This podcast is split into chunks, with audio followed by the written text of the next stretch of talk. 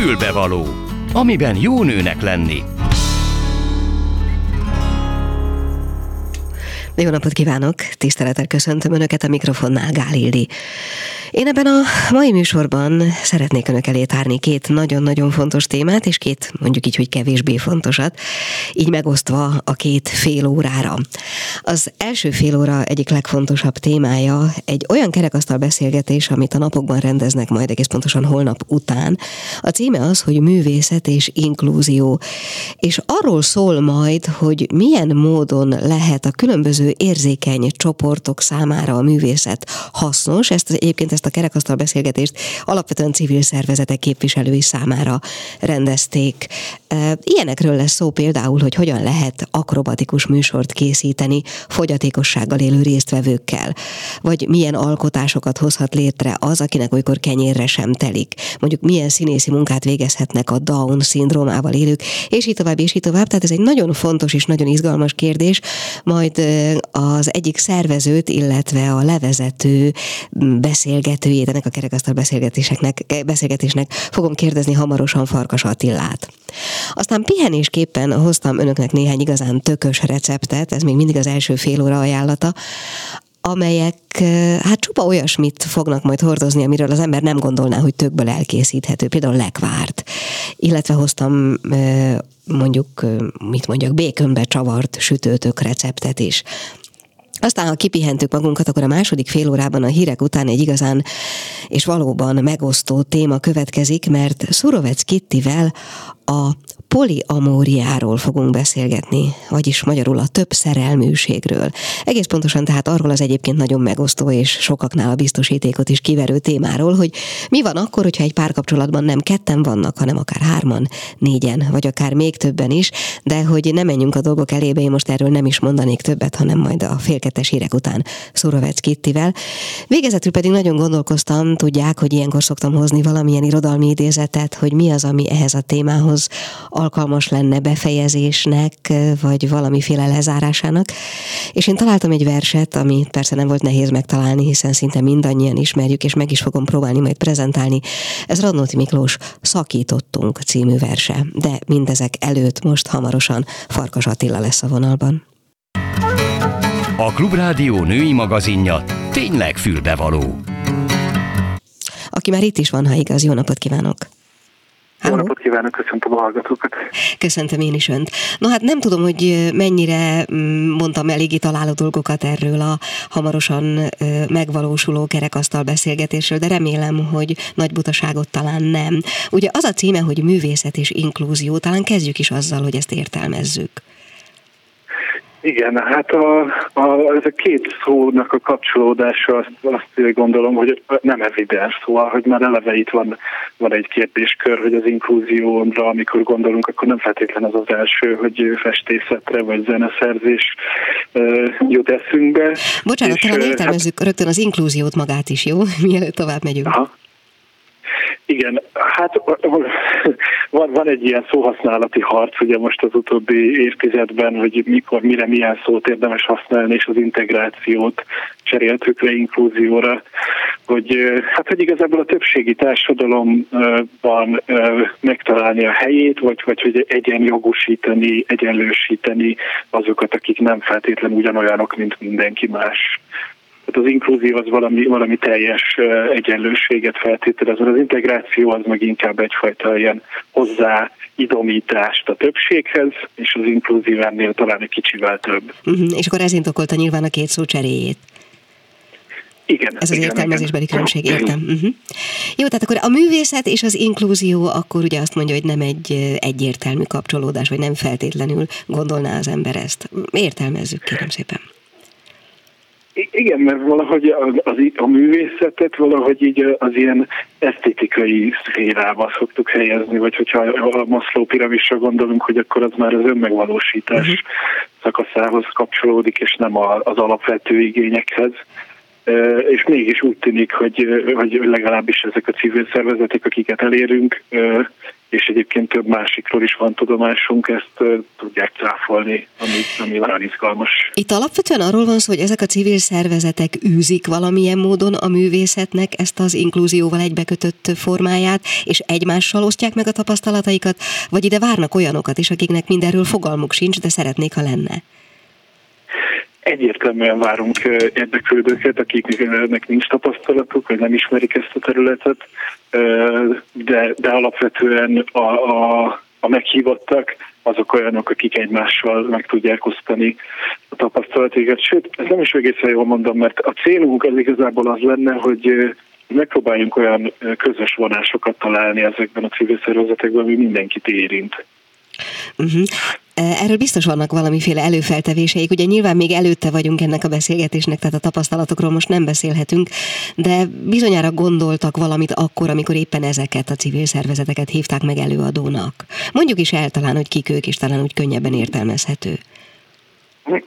Igen, hát az Igaz Gyöngy Alapítványtól Ritók Nórát hívtuk el, akiknél működik egy ilyen művészeti iskola, ők Told, Toldon és környékén hátrányos helyzetű fiatal emberekkel és felnőttekkel dolgoznak, és, és nekik például van egy programjuk, a Suno nevű program, ahol ilyen hát mondhatnánk azt is, hogy ilyen design uh, uh, ruhatermékeket állítanak elő uh, helybéli szegény sorsú emberekkel. Ez tényleg nagyon izgalmas? Igen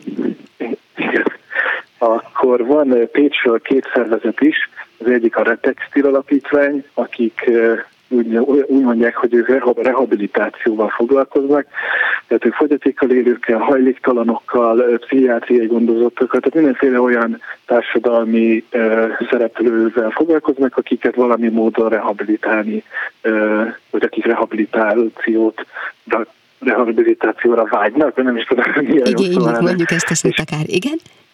Igen, és, és ehhez, ehhez ők egy ilyen textilművészetet használnak, ami egyben egy környezetvédelmi dolog is, mert használt ruhákat használnak föl, és így alkotnak meg játszótereket például, de ugyanígy termékeket, amiket meg lehet vásárolni.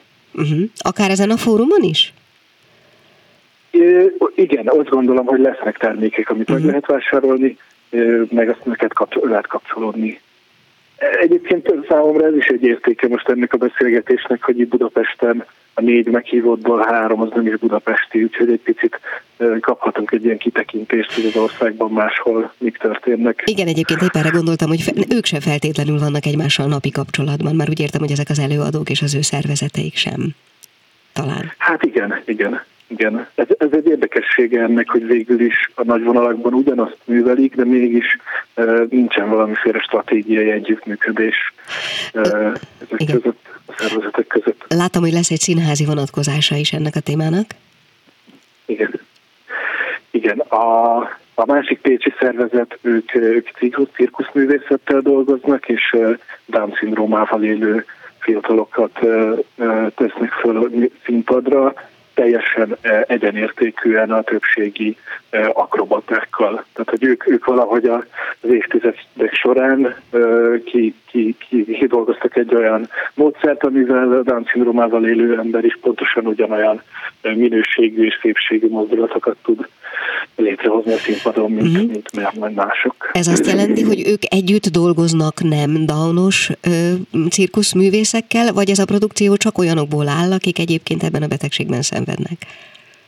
Együtt dolgoznak, tehát ettől is, igaz, ettől is inkluzív Igen. ez a dolog, hogy uh-huh. többségi és nem többségi emberek együtt dolgoznak. Értem. És együtt És egyébként az előbbi kérdésem a más színházra vonatkozott.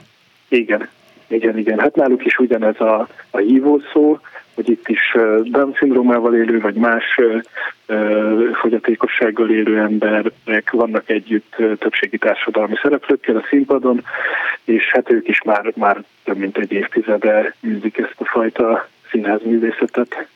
Hogy képzeljem el ezt a kerekasztal beszélgetést? Azon túl, hogy mindenki meséli a saját történeteit, nyilván elsősorban a sikertörténeteket, meg talán azt is, amilyen, amilyen nehézségekkel küzdik nap, mint nap. Azon túl, hogy esetleg meg lehet vásárolni, vagy meg lehet nézni bizonyos dolgokat, amiket, őt elő, amiket ők előállítottak, megnézhető akár valamiféle előadás is, vagy annak egy felvétele? Hát itt az eseményen erre most nem lesz lehetőség, bár van egy rész, ahol itt bemutatják magukat a szervezetek, akkor egy-egy rövid videórészletet lesz, aki levetít a munkásságából, de ami, ami egy ilyen értéke a dolognak, hogy utána van lesz egy ilyen kötetlen, ilyen svéd asztalos beszélgetés, és akkor abszolút minden kérdést fel lehet tenni személyesen is a, a beszélgető partnereknek, uh-huh. el lehet kérni nézőkártyákat, kapcsolatokat építeni. Ez megint azért érdekes, mert itt következik az a kérdés, hogy kikre számítanak magyarországi civil szervezetekre, vagy elmehetek akár én is, hogyha egyszerűen magánemberként kíváncsi vagyok. Igen, sőt, szeretnénk is meghívni. Köszönöm. Hát igen, itt most ugye nem csak magamra gondoltam, hanem hogyha van a hallgatók között olyan, aki érintett, vagy érintetnek érzi magát, akármiben is, vagy akár hozzátartozóként, vagy akár valamilyen olyan művészeti ágképviselőjeként, akkor ő is részt vehet? Egyértelműen, igen. Igen. Uh-huh. Azt hiszem, hogy a művészetben és az inkluzióban legalább az egyikben nagyjából minden ember érintett Magyarországon. van mindenki írt már egy verset, vagy van olyan rokona, aki, aki, aki az inkluzióban érintett. De... És mindenki számára hasznos lehet. Mi a dolognak a bejutási módja? Én most elmond, ön, ön most elmondta, hogy engem szívesen lát, nagyszerű, köszönöm, de hogy lehet egyébként jelentkezni? Hát most van egy ilyen Facebook eseményünk, Művészet és Inklúzió a címe, így a kereső szavakkal meg lehet találni. Abban benne van minden részletes információ, meg egy regisztrációs link és csak ennyit kérünk, hogy, hogy a regisztrációt elvégzik, és aztán egyébként ingyenes a részvétel. Uh-huh. Ez egy projekt támogatásával valósul meg. Igen, azt látom, hogy az Európai Uniós támogatással zajlik. Maga a kerekasztal rendezvény csak, vagy pedig ezeknek a csoportoknak a működésében is van Európai Uniós támogatás? Csak ez a beszélgetés. Ez egy nagyobb projektnek egy állomása, ahol az első részben felvettük a kapcsolatot ilyen szervezetekkel, mint akik ma is beszélgetnek, és ez egy állomás, ahol próbáljuk kicsit növelni a láthatóságát ennek a szférának. Igen, nagyon jó, hogy előre válaszol arra, amit egyébként kérdezni akartam. Végeredményben mi az, amit remélnek most ettől a csütörtöki találkozástól? Hosszú távon úgy értem. Hát igazából kettős a, a, a vágy. Egyrészt van egy ilyen tapasztalat most, ahogy így kapcsolatba kerültünk, és nem csak ezzel a négy, hanem más ilyen civil szervezetekkel, is, akik művészet és inkluzió hívószó alatt tevékenykednek. Valamiért a hálózatosodás az, az úgy hiányzik ezeknek a szervezeteknek az életéből, és mindenkinek lenne rá igénye, de az energia, a kapacitás, a pénzhiány, nem is tudom pontosan mi miatt, de ez nem tud megtörténni. Úgyhogy ha ebben ez egy előrelépés lehetne, az, az szuper lenne. A mhm. másik pedig, Igen? hogy igen? Nem, nem, nem, ehhez akartam hozzáfűzni valamit, de előbb meghallgatom a másikat. A, a másik meg, hát igen, ennek a láthatósága, mert azt hiszem, hogy egy átlagos magyar állampolgár nem is igazán sejti, hogy léteznek ilyen kezdeményezések. És van, van a meghívottunk között olyan, aki, tehát a, a, a minisztériumban is írtunk meghívót, és a felnőtt képzési hivatalnak is írtunk meghívót, és talán, talán így a kormányzatot is el lehet érni, vagy a, a felé is lehet nevelni a láthatóságot. Igen, egyébként éppen erre gondoltam, hogy talán mi most ezzel a beszélgetéssel is tettünk ezért valamit, és szerintem nagyon sokan vannak olyanok, akik akár ezt a műsort hallgatják, akár e, egészen érintőlegesen értesülnek csak ilyesmiről. Én is attól tartok, hogy ezt nem feltétlenül tudják az iskolában a, a, a gyerekek, vagy akár felnőttek egyébként szokványos szórakozó helyen helyein, vagy találkozó helyein egymásnak ajánlani, mert egész egyszerűen nem tudunk róla, vagy nem eleget. Igen. Hát sajnos ez így van. És ez a civil, civil, talán az egész civil szférára is igaz, de hát ennek a szférának ez csak egy kis szeglete, úgyhogy erre hatványozottan igaz. Hát akkor én nagyon szépen köszönöm, hogy a rendelkezésünkre állt, és kívánom, hogy ez a háló minél hamarabb létrejöjjön, akár ennek a beszélgetésnek az eredményeként, és már úgy értem, hogy a holnap utáni csütörtöki kerekasztal találkozónak a beszélgetései eredményeképpen. Köszönöm szépen Farkas Attilának. Viszont hallásra. Én is nagyon köszönöm. Viszont hallás. Mi kell a nőnek? Egy fülbevaló. És hát most én megcseréltem azt, amit eredetileg gondoltam, úgyhogy szerintem egy picit most beszélgessünk, vagy beszélek én, ha nincs ellenükre a tökről, a sütőtökről, mert a félket kettes beszélgetés az talán annyira bizony benne felkavaró lehet, hogy utána már talán nem kéne a sütőtököt újra előhozni. Úgyhogy én most először szeretnék önöknek mondani néhány szót arról, hogy a sütőtöknek az eredete honnan származik, hogy került egyáltalán Magyarországra, mert talán nem is gondoljuk, hogy a dolog amerikai eredetű. Szóval a sütőtök a kukoricához és a burgonyához hasonlóan Amerika felfedezése után került a földrészünkre. Ős hazája a közép- és dél-amerika trópusi vidéke, az inkák, a maják és az asztékok jellegzetes táplálékai közé tartozott. Európában hamar közkedvelté vált a 16. század óta ismert és termesztett növény Magyarországon is. Jelentős karotin és C-vitamin tartalma van, antioxidáns hatása folytán kedvelt téli csemege, ezt ugye tudjuk.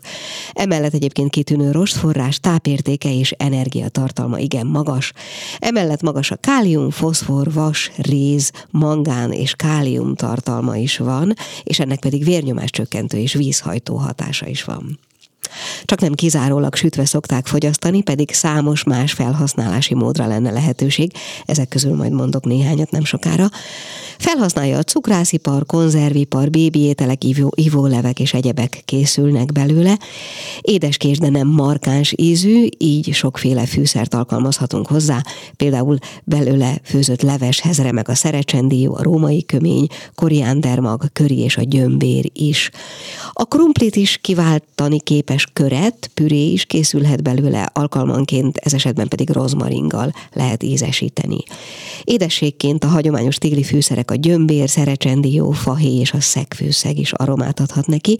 A magja pörkölve finom és egészséges, a tökmagolajat pedig salátákba szoktuk használni. A sütőtök sárga tölcsíres virágai is jó lehetők. Egyébként például palacsinta tésztába forgatva, olajban sütve különleges csemegét lehet belőle készíteni, persze nem télen. Gyümölcsízekbe is főzik, és erre is fogok hozni egy példát hogy egy-egy aromásabb, de drágább gyümölcsből készült lekvárnak íznek tömeget adjon. Tehát a lekvárnak az ízét egyébként maga a különleges, ám de drága gyümölcs fogja adni, a tömegét pedig sok esetben éppen a tök. Otthon elkészíthető különlegesség lehet a tök lekvár, a tök dzsem cukorral, citrommal, fahéjjal, szegfűszeggel főzve.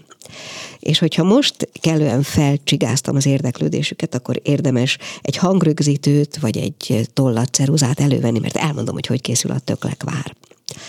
Ehhez kell 60 deka sült sütőtök, 40 deka cukor, egy citrom leve, 6 g pektin, ugye tudjuk, hogy a pektin az, az a bizonyos növényi rost, amely ugye folyadékkal keveredve egy gélszínű színű, szerű, bocsánat, anyagot képez, ami arra való, hogy testet adjon ennek az egyébként kicsit folyékony anyagnak. Szóval 6 g pektin és fahéj. A sütőtököt előzetesen megsütjük, majd a héjától leválasztva kis kockák, kockákra daraboljuk. Az omlós, kockázott sütőtököt villával összetörjük, ki mennyire szereti homogénen, maradhatnak benne akár nagyobb darabok is, majd hozzáadjuk a cukrot, a citrom levét és a fahéjat. A citrom magokra célszerű vigyázni, mert arra nem kellemes ugye ráharapni. Fahéj tekintetében lehetünk rugalmasak, akár el is hagyható. Ami eddig az edénybe került, azt most már össze kell keverni, és föl lehet tenni a tűzhelyre. Mivel a tök eleve főt volt, ezért csak pár percig rotyogtassuk a lekvárt, folytonos kevergetés mellett, és ilyenkor jön bele ez a bizonyos pektin. Erre azért van szükség, mert a lekvár enélkül nem lenne elég szilárd. Mondjuk akinek egyébként az eredeti folyós állapot megfelel, az nyilván ne használjon pektint. Mivel kenhetően kicsit zselésen szoktuk favorizálni mi magyarok a lekvár halmazállapotát, ezért a pektint célszerű összekeverni egy evőkanál cukorral és a fortyogó masszához adni. És kész. Ez a fenti mennyiség, ez három darab három decis befőttes üvegre elég, ennyit tölt meg. Ezeket lezárás után pár percre ugye fejjel lefelé fordítjuk, ahogy más lekvár esetében is. E, marad egy-két evőkanál a lábas alján, ez pedig pont elég arra, hogy meg lehessen egy kicsit kóstolni, hogy milyen lesz majd, amikor mondjuk télen egy e, karácsonyi süteménybe használjuk. Egy nagyon picit muzsikálunk, és aztán van még két pici receptem tökkel kapcsolatban. Egy brownie, ki gondolná, és egy békönbe tekert sütőtök.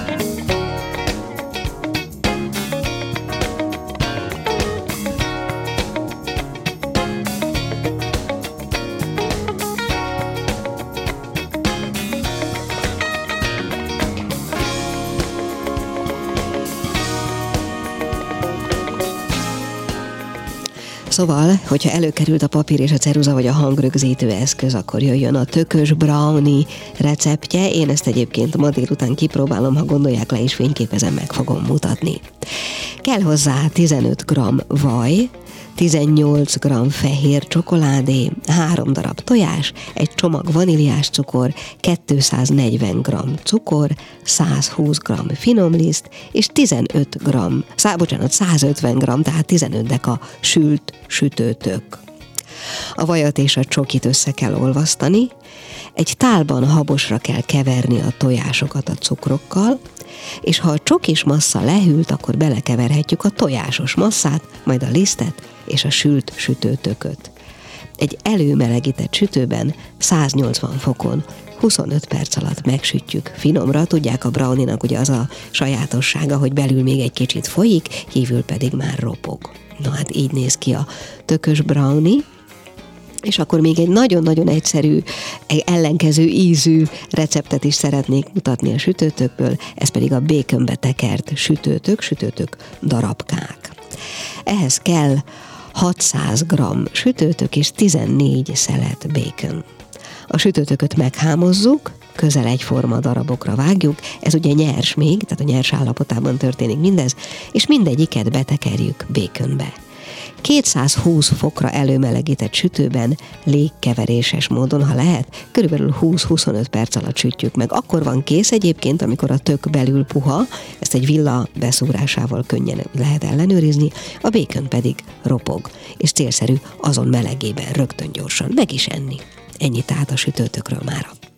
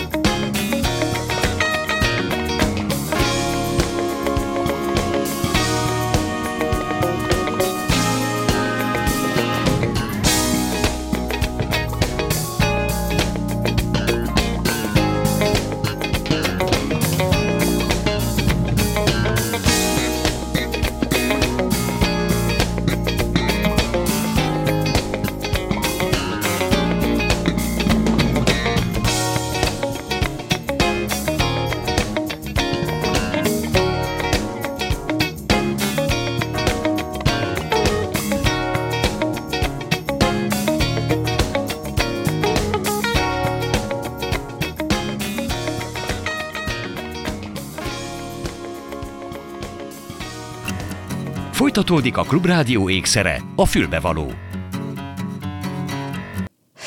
Igen, és most valami egészen különleges dolog következik, egy meglehetősen megosztó téma, ami talán többeknél a biztosítékot is kiveri, reméljük nem így lesz. Minden esetre köszöntöm a vonalban Szurovec Kitti újságíró írót. Halló! Halló, halló, megérkeztem. Szia, szia. No, hát ez a téma pedig a poliamória, vagyis a több szerelműség kérdésköre. Ugye itt alapvetően arról van szó, amikor egy párkapcsolatban, és majd később definiáljuk az összes fogalmat, hogy ez, ez esetben mit jelent a párkapcsolat, de szóval amikor egy párkapcsolatban nem ketten vannak, hanem hárman, négyen, vagy akár még ennél is többen. És én szerintem, mm, én most igyekeztem nagyon egyszerűen definiálni a fogalmat, de te nyilván árnyaltabban tennéd.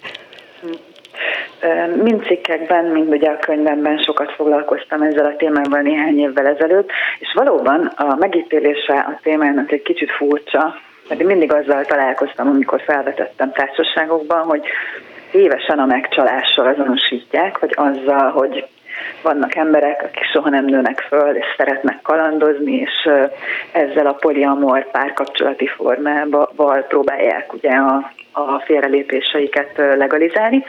Na most itt nem erről van szó, hanem itt többes szerelmi kapcsolódásokról van szó, olyan formán, hogy itt tartós kapcsolatok létesülnek, minden szereplő tudtával, de nem feltétlenül bevonásával. Bonyolult nagyon erről igazán exakt módon beszélni, mert ahány poliamor kapcsolódás, annyi fajta megállapodás születik. Én ugye ezelőtt a beszélgetés előtt, egyrészt mi ketten beszélgettünk kicsit, nagyon kicsit, de utána néztem, elolvastam elég sok mindent, ugye létezik magyarországi, nem is tudom, csoportosulás, a Facebook csoportja Igen, is, közössége. Magyarország, így Így van, ennek a fajta, ennek az életformának. És én szerintem mégiscsak kezdjük olyan értelemben az elején, hogy ugye ebben a mi keresztény európai kultúrkörünkben azt mondjuk, hogy a párkapcsolat az férfi és nő között van, és két személyes. Aztán mi van, ha nem? Mi van, ha nem? Tehát már maga a felvetés is jó. Tehát gondoljunk csak abba bele, hogyha ezt egy ilyen fekete-fehér szemüvegen átnézzük, és ezt el is hiszük maximálisan minden értelemben, hogy ez így van, akkor miért van annyi probléma a hűtlenségből, miért van annyi probléma a megcsalásból, miért van annyi probléma a szívügyeinkből, ugye nyilvánvalóan a szerelemtől nem véd meg a karikagyűrű, és ez egy olyan igazság, ami nagyon sok mindent felülír.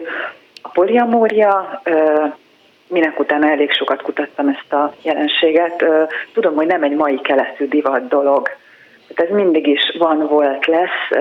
Itt csak a társadalom ma már nyitottabb, nyitott ahhoz, hogy egyáltalán erről lehessen érdemben beszélni. Tegnap olvasgattam ide vonatkozó ö, idézeteket, mondatokat, mások összeszedett mondatait, és például volt egy ilyen, hogy ha nem tudod eldönteni két ember közül, hogy melyiket szeresd, akkor hogy melyiket válaszd, akkor válaszd a másodikat, mert ha az elsőt igazán szeretted volna, akkor be se jöhet a képbe a második. Meg ilyesmi. Ehhez mit szólsz? A poliamorok azt mondják, hogy a szeretet az osztható, szerelem is osztható tehát hogy nem kizárólagos. Igen, de azért azt tudod, hogy, hogy most égnek áll a hajasok mindenkinek, csak szólok. Persze, okay. persze, de hát ezért is hívtál ide, mert téged is érdekel. Igen, igen. Gondolom, hogy ezek után égni fognak a vonalak. Ők azt mondják, hogy attól, hogy mást is szeretek, és másnak is adok magamból, és ez boldoggá tesz engem, attól csak még boldogabb leszek, és még többet tudok adni neked is, akivel együtt élek. Most nem magamról beszélek természetesen, hanem a poliamor életfelfogásról. Hova tovább hozzáteszem, hogy az én életemben is volt hasonló helyzet, máskülönben alig ha foglalkoztam volna ilyen behatóan a jelenséggel. Tehát magát az érzést kettőt szeretni, én is ismerem, és szerintem nagyon sokan vagyunk ezzel így. És ugye azt is mondják, hogy a, a kettőt nem egyformán szeretem, hanem amit az egyiknek adok, az messze nem azonos azzal, mint amit a másiknak, és ez ugyanígy van a kapás területén is. Mint hogy mondják, hogy minden ember, pszichológusok mondják, hogy mindenki, minden, minden személy az életünkben más személyiségrészünket hozza ki. Teljesen más vagyok, amikor az édesanyámmal beszélek, teljesen más vagyok, amikor a barátommal, teljesen más vagyok, amikor a szerelmemmel, és lehet, hogyha adott esetben két szerelmem van, akkor más-más személyiségrészeket mozgósít, meg más-más energiákat hoznak ki belőlem. És ugye ebben a folytat... jó hatással rám. Ebben a kapcsolódási formában nem csak az van, hogy nekem szabad, hanem az is benne van, hogy neked is szabad. Na ez már a nehezebb kérdés, mert amit sokan megengednek maguknak, azt már nagyon nehezen engedik meg a társuknak. És itt dől el nagyjából, hogy valakinek való-e a poliamória. Nagyon érett személyiség kell hozzá, nagyfokú tudatosság, az, hogy higgyünk önmagunkban, az végtelenül fontos szerintem, higgyünk a társunkban, végtelen bizalmunk legyen felé, hiszen gondoljunk csak bele abba, hogy ha ott van egy harmadik személy, vagy akár egy negyedik, de mindkettőnk életében van még valaki más, az azért teremt egyfajta féltékenységet, folyamatos versenyhelyzetet, ergo ellehetetleníti azt, hogy a kapcsolat ellaposodjon, mert mindig-mindig-mindig tenni kell egymásért. Tehát egy hosszú távú, jól működő poliamória kapcsolódás, az fenntarthatja azt az állapotot is, akár ami a kapcsolat elején van, az a, az, az izgalmas, az a szívpesdítő megismerkedési fázis. Mondd a te kapcsolataid, kutatásod, tapasztalataid és egyebek szerint hogy működik? Tehát kialakul mondjuk egy két személyes párkapcsolat egy férfi és nő között, mondjuk mondjuk. És egyszer csak belép a képbe egy harmadik, egyszer csak fölüti a fejét az igény valakinél, honnan tudom, hogy az én személyiségem alkalmas-e, azon túl, hogy önismeret kell hozzá, és társismeret, arra, hogy erre az életformára? Ez nagyon sokszor nem tudatosan történik. Az, hogy valaki poliamor, az nem jelenti azt, ez fontos tisztázni, hogy állandóan mindig kettőt szeret, vagy hármat, vagy négyet, hanem amikor amikor belép az életébe valaki, aki nagyon megmozgatja, akkor, akkor nem tartja el magától, hanem akárhogy is, de megéli azt az érzelmet. Ebből nem biztos, hogy kapcsolat lesz, de megengedi magának, hogy ezt érezze, és hogyha van otthon olyan bizalmi légkör, és a párjával maximálisan ö, megbíznak egymásban, akkor ezt vele is megosztja. Itt még biztos, tehát biztos, hogy nincsen borítékolható módon letéve, hogy akkor abból lesz egy hármas kapcsolat, vagy bármi, de az már egy jó dolog, hogyha egymással őszinték tudunk lenni. Nagyon sokszor a poliamória az kivégzi a megcsalás intézményét. Tehát, hogyha egy bizalmas, két érett személyiséggel rendelkező emberről van szó egy jó kapcsolatban, ha ezt meg tudják egymással beszélni, és kvázi engedélyt adnak egymásnak arra, hogy ezeket az új impulzusokat megéljék, vagy van, hogy akár be is hozzák olyan formán a kapcsolatba, hogy bemutatják egymásnak az új partnereket, abból nagyon-nagyon különleges hálózat szövődhet. Én a poliamória Magyarországnál nagyon sok ilyet láttam, és tényleg ezek az emberek hosszú éveken keresztül szinte egy, egy családként működnek, és van, hogy a két feleség idézőjelbe a közös idézőjelbe férnek, együtt főzik a vacsorát, és a férfiak is remekül megvannak egymással, és egy társasággá lesznek, segítik egymást a gyereknevelésben, a gyerekeket még többen szeretik, bizonyos értelemben mindenkinek könnyebb. Ez a napsugaras oldala. De bocsánat, bocsánat, igen, meg igen, ugye a féltékenység és az ezzel való megküzdés. Mindjárt belefutunk még a féltékenységbe, meg a gyerekekbe, meg ezeket mind meg akarom még kérdezni, de, de például, és azt is tisztázok azért, hogy ebben feltétlenül különböző nemű párok vagy párkapcsolatok jönnek létre, vagy akár az azonos nemű kapcsolódás is belefér? Abszolút belefér az azonos nemű kapcsolódás. Tehát a poliamória szemléletében élők annyira nyitott emberek, és jaj, nagyon nehéz tényleg erről beszélni, különösen ebben a társadalomban. Úgyhogy abban és különösen most ezt is azért és különösen hozzá. most, hiszen egy rendkívül kielezett helyzetben vagyunk, de őszintén én nem sok elfogadóbb közegben jártam még, mint a poliamor emberek között. Úgy érted, hogy ez az elfogadási képesség, ez minden más területre is érvényes? Az életük egyéb területeire? barátságokra, a nem barátságokra tudom, azt érzem, hogy azt érzem, hogy nagyon toleránsak és lazák és elfogadók.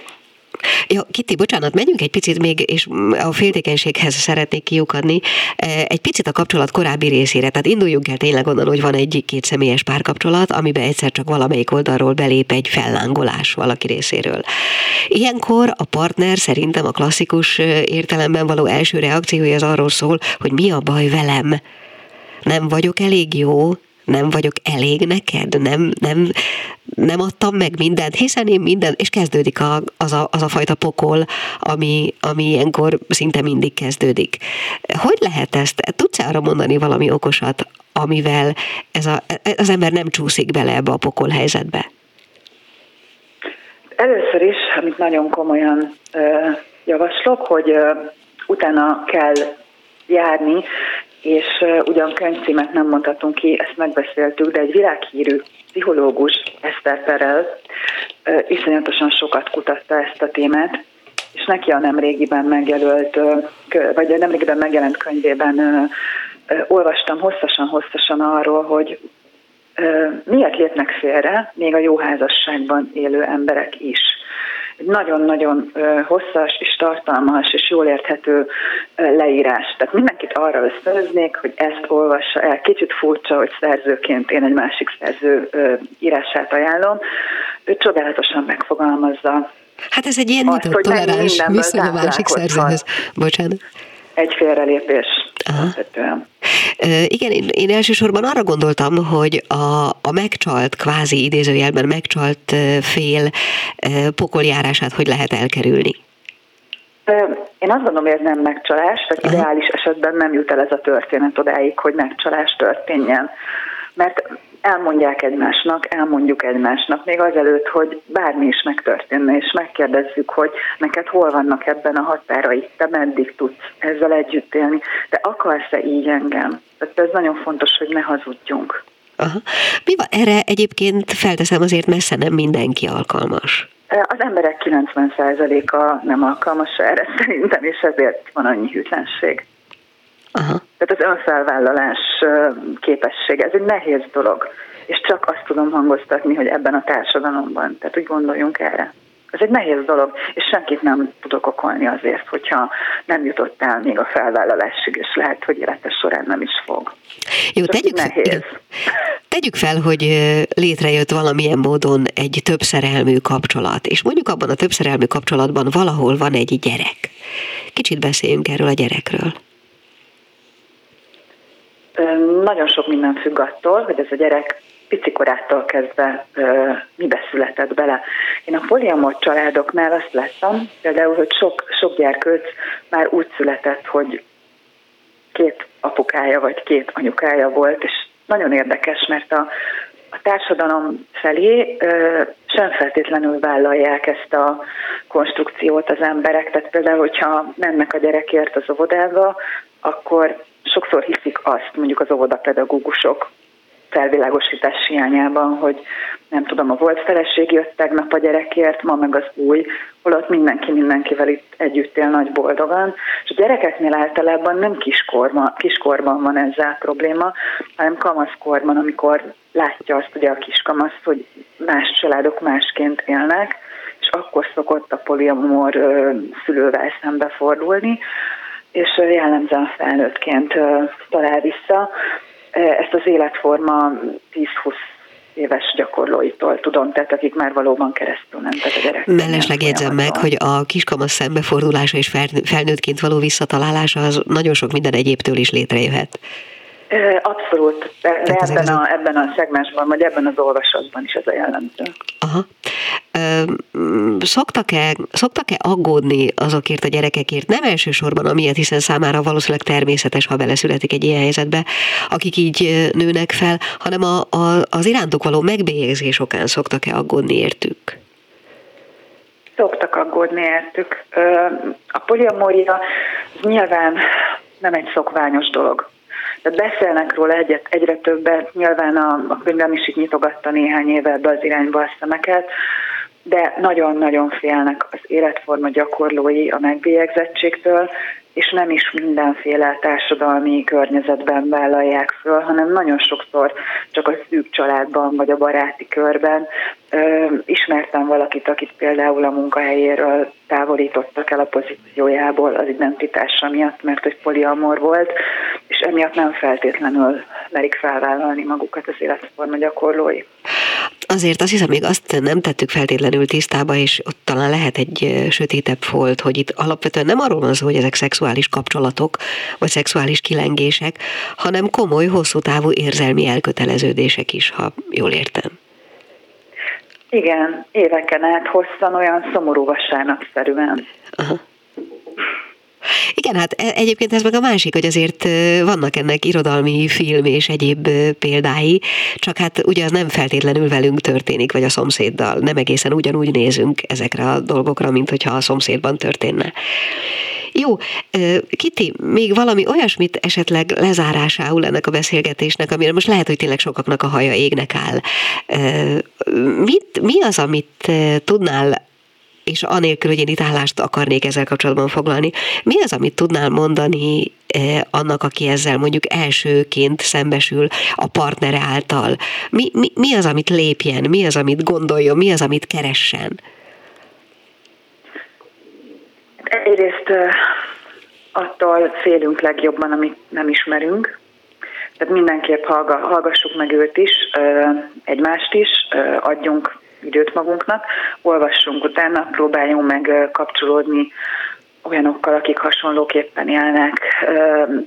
Van ebben tapasztalata, keressünk egy jó szakembert, egy jó pszichológust.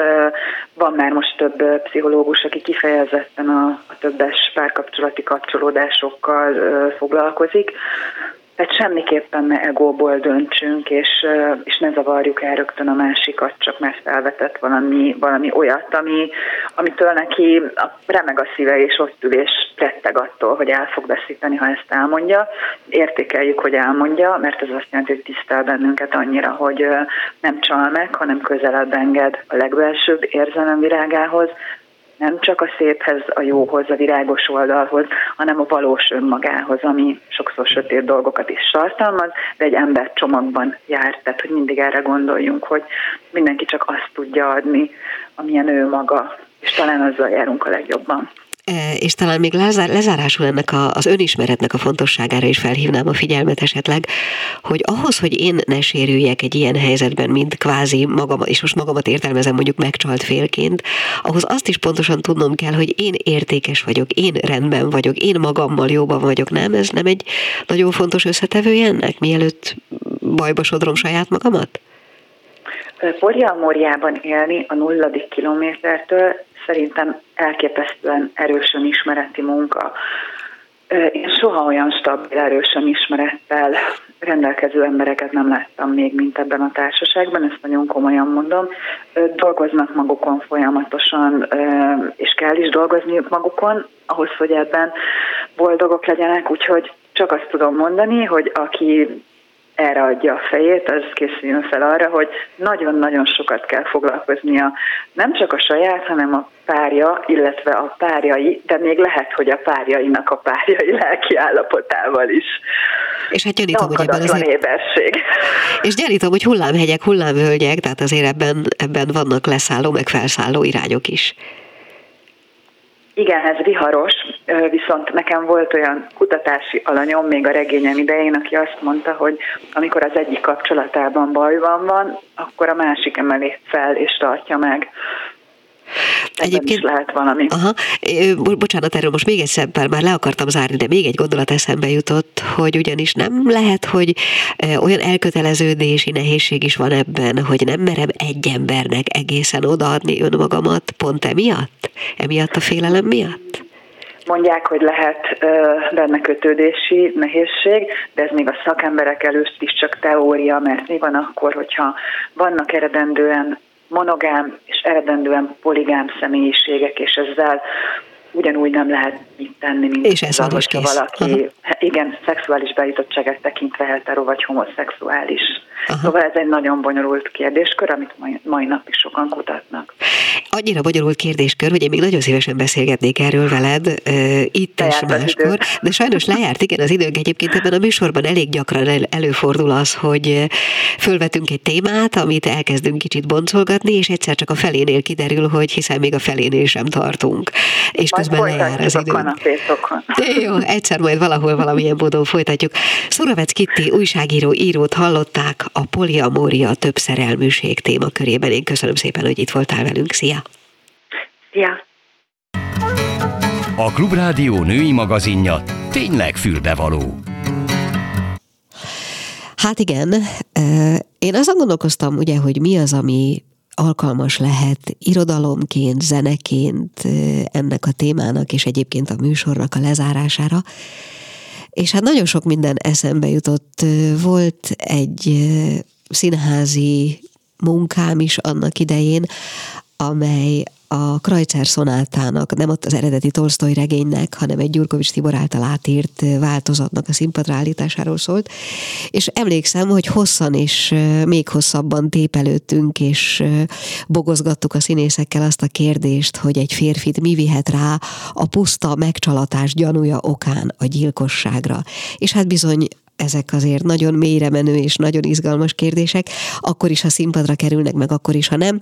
Egy biztos, hogy ennek a beszélgetésnek a lezárásául végül nem mertem a Krajcer szonátából hozni részletet, noha hosszan nézegettem, hogy mi volna idevaló. Viszont azt gondoltam, hogy majdnem minden szerelemnek, akár ketten, akár többen vagyunk benne, előbb-utóbb szakítás, vagy valamiféle lezárás lesz a vége. Nos, a szakításnak ugye az a nehézsége, hogy az ember még érzelmileg fogva van. Így hát aztán szakítással kapcsolatos írást kerestem, és egyszer csak ilyen villámcsapásszerű, hát aha élményem volt, hát hiszen Radnóti erről írt egy csodát. Úgyhogy ha megengedik, én most megpróbálom ezt felolvasni, nyilván nem lesz művészi interpretáció, de talán a témában mégiscsak vág valamennyire. Szóval Radnóti Miklós, szakítottunk. Szakítottunk. Te véresre csókoltad a számat, és lihegve kértél, hogy maradjak. Nem maradok. Menj be szépen. Én meg elindulok a mérföldkövek között a sárban. Mit nézel? A hófehér éjek után ugye könnyező, foltos olvadás szakadt. Hallod? A víznafákban a nyárt siratják most korhat téli szentek, ne sírj. A könyvtől csúnya lesz a szemed, és nem bírom folytatni, ha könnyezel. Hallod-e? Szél szánkázik zúgva a dombokon is, te itt, te előtted, fodros a sár. Megértettél? Sár.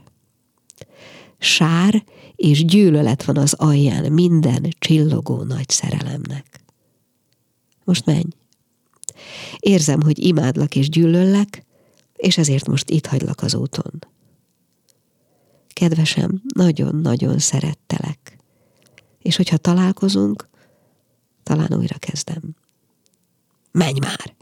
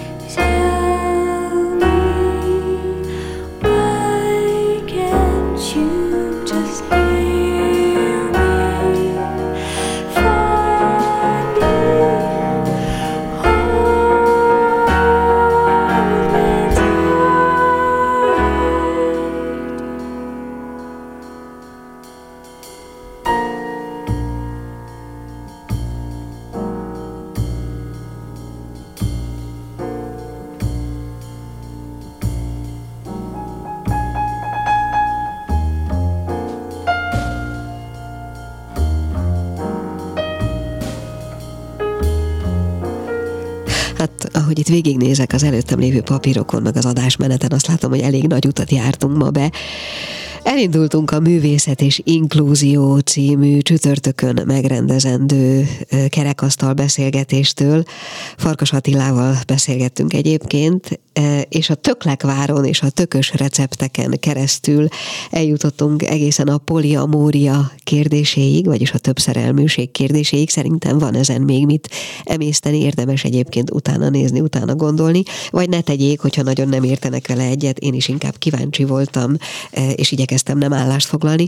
Végezetül pedig meghallgattuk, vagy hát megpróbáltam elmondani Radnóti Miklós Szakítottunk című versét. Ez volt már a fülbevaló. Remélem, hogy jövő héten is velünk maradnak. Gálildit hallották. Viszont hallásra. A Klubrádió nem csak nőknek szóló magazinját, a fülbevalót hallották.